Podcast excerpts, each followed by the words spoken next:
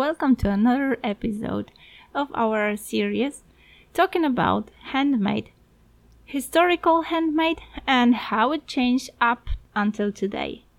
We'll be talking about another handmade technique that you can meet in Poland. Enjoy! Welcome to another episode of our series that talks about handmade that used to be in the past and how it transformed today. Today I have Zuzia Kozdeba, who is a wiancharka for you.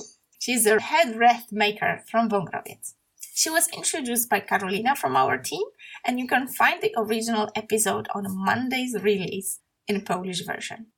So, who is really a wiancharka? As uh, Zuzia said, she always imagined that wiancharka is a woman who makes wreaths. She came across this name for the second time in one of Miłoszewski's dramas, and it turned out that such a name actually exists in Polish. So wiancharki are women who pass on history by means of dancing, singing, and I think that this name just stuck to her mind and rooted not only in Zuzia's mind, but also in our culture. So how did her passion begin? Where passion? What youth used to do, age remembers her mom is a pharmacist, so she used to walk around the fields looking at what is what and what to pick and when, what to use the plants for, what not to touch or what to touch. So her passion kind of started through her mother. That was a passion for plants. And how did it happen that plants appear in her life in the form of wreaths? Earlier, there appeared in the form of bouquets. She used to make them and sell with her sister and cousins to make money for the amusement parks that came to her hometown. She lived in Skoki, so when all those amusement parks came, they sold flowers to earn money for that. There, there were five of them, so plenty of hands to weave and now she's on her own. Her cousins like um, like her posts, but uh, the wreaths she weaves, she does it on her own. Actually, her first re- wreath um, that she started making and selling date back um, around four years old.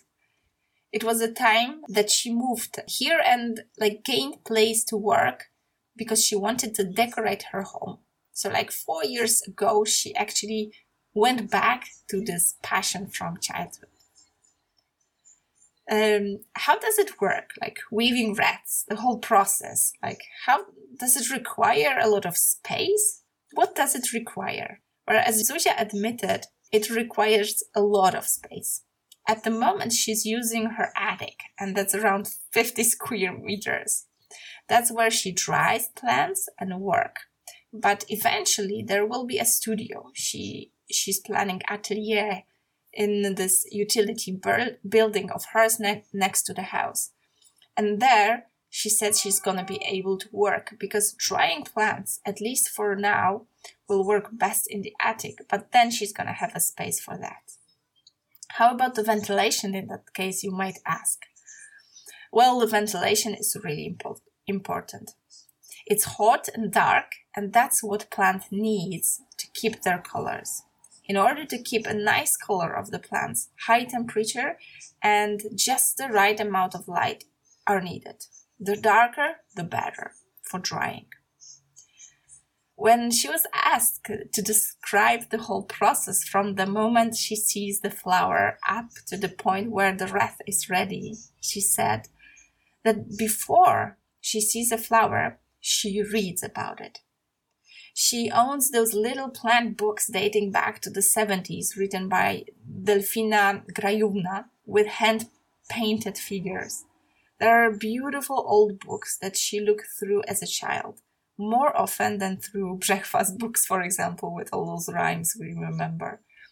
So they kind of naturally grew into her mind. Reading and seeing the flower in the book she could imagine how it will look in the wreath, but often she cannot imagine what will happen when she starts drying it. So she has a lot of let's cut it and dry it stories because not everything will work after drying. Of course, today She also takes a great deal of knowledge from the internet, from sites such as Pinterest, sites of people involved in the cultivation of uh, perennials or dried plants. She keeps on learning about new plants uh, because not everything can uh, can be picked and dried uh, with your own hands like yourself. Sometimes it's nice to buy plants from people who cultivate them and know how to prepare them. Yeah, she's going back to the question later on. So she she has the flowers and then she takes them to the attic. Uh, she picks the flower, cleans it, leaves the part that are ultimately interesting for her. So if there's a there are leaves on the same um, stem, she picks them. Like altogether left with uh, some stems, leaves, and flower head on the stem. If the leaves are nice, she tries to dry them as well. But sometimes they look very nice after drying and then they keep the really nice form, so she kind of keeps the leaves as well. She combines the flowers into little bouquets so they can breathe and hang she hangs them and as before she said she dries them in the attic she just hangs them upside down in this attic how long does it take to dry such flowers? Zuzia admits that it depends on the temperature and weather. It can take a few days, and if the weather is nasty, it can go wrong altogether. But this summer, as Zuzia admitted, is pretty wet, so it's not really good for drying. Literally three or four days ago, as she mentioned in the interview, she was almost crying in the attic because it was heavily raining for two days and it turned out that the roof is leaking in some places and it was really damp and she was really worried about that you know everything all her hard work could just go all moldy. Fortunately the day like the next day the sun came out and it like saved the situation.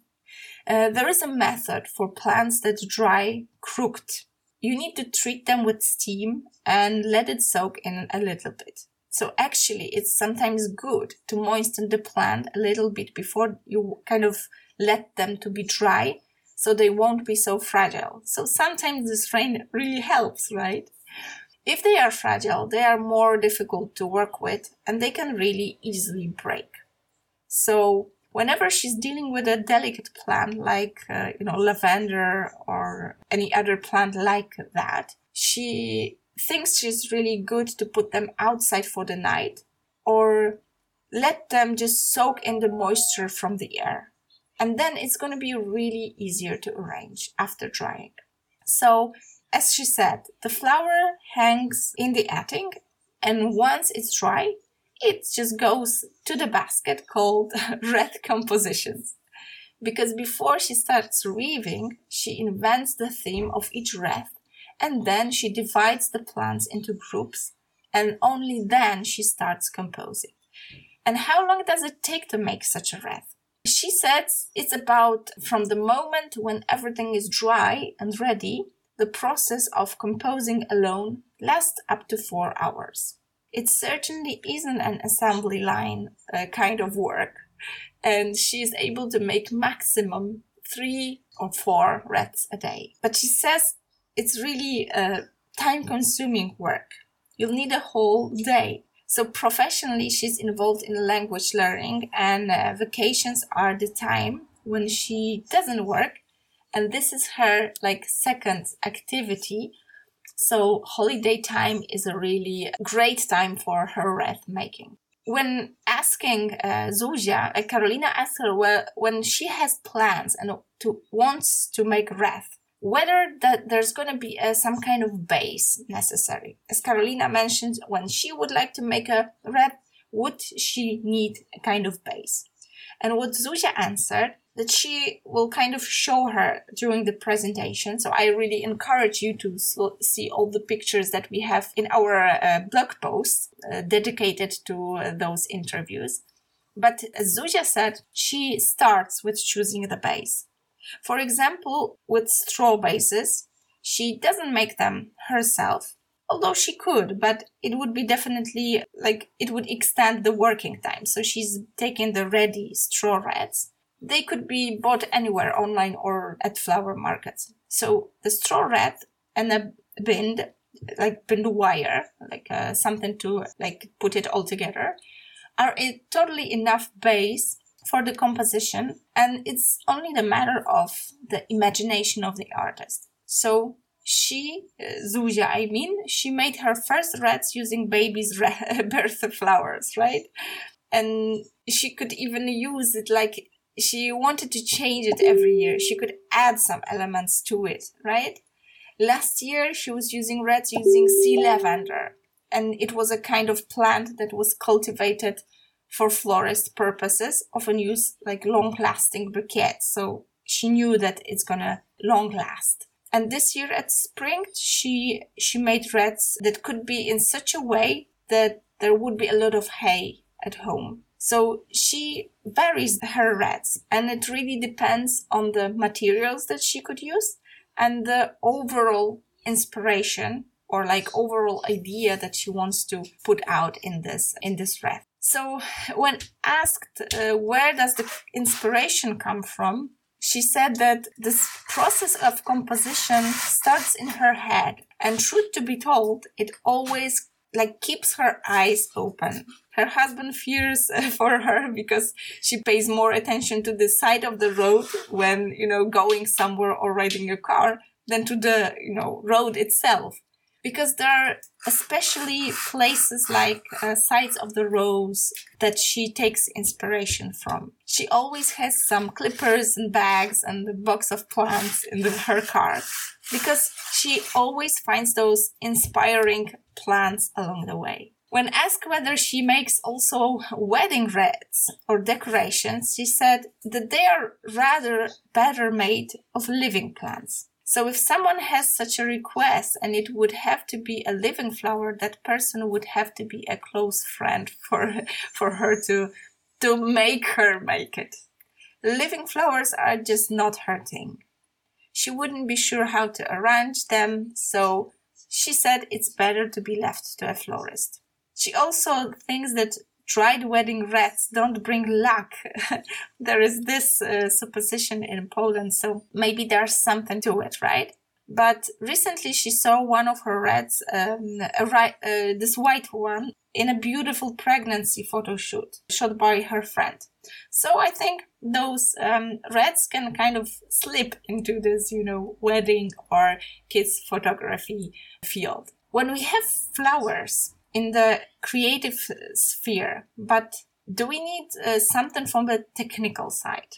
Like Carolina asked and uh, Justina asked Zuzia about this more uh, like hard technical things that you need to make those wreaths. Well, Zuzia said that things that you need are just the base, some wire, clippers, and bouquets of dried flowers to obviously attach them egg. Sometimes you could also need some hot glue that you can maybe use to attach some flowers. And sometimes you can garnish the wreath beautifully with some decoration, like weaving elements or something like that. She doesn't use this method a lot because she thinks that then elements can break easily. And she quitted this uh, hot glue method long ago. Sometimes you will also need some burn ointment because well, the hot glue is really hot and plasters and also um, feeding or watering person. In her case, her husband, right? Because that's something to remember of if you're making those reds for a couple of hours.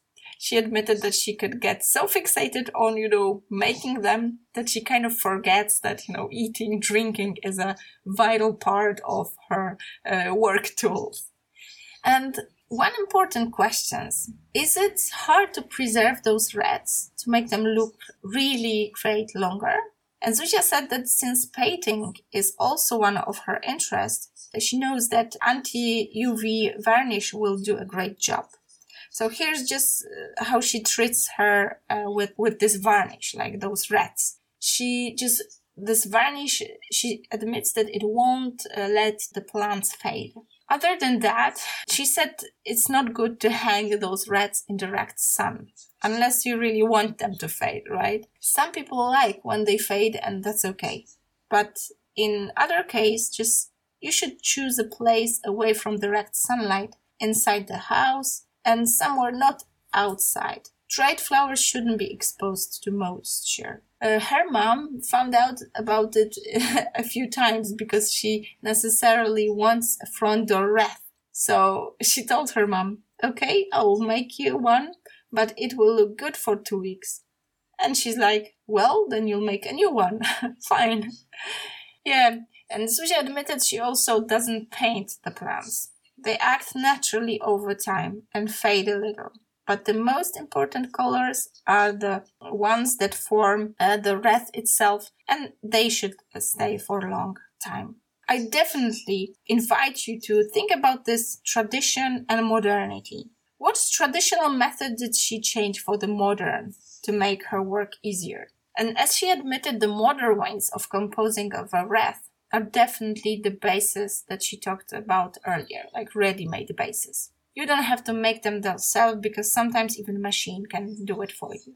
They just collect the straw and convert it to wreaths of different thickness and diameter. So that's something that really uh, makes her work easier than in the olden days. And the one thing that she also mentions earlier is this hot glue gun, this um, method of gluing things into the wreath itself. So she said that's something that she would find as a modern thing in opposition to traditional wreaths. Zuzia also admitted some words about workshops and how she could teach how to make a wreath. But I kind of keep you with this information in our article. So I'll send you to that place and I deeply invite you to try it out for yourself. As you see, this process might seem a long lasting, really time consuming, but it turns out is not quantum physics. It's really easy to try it out on your own. So I deeply invite you to check out the pictures on our webpage and try out wreath making as well. See you in the next episode.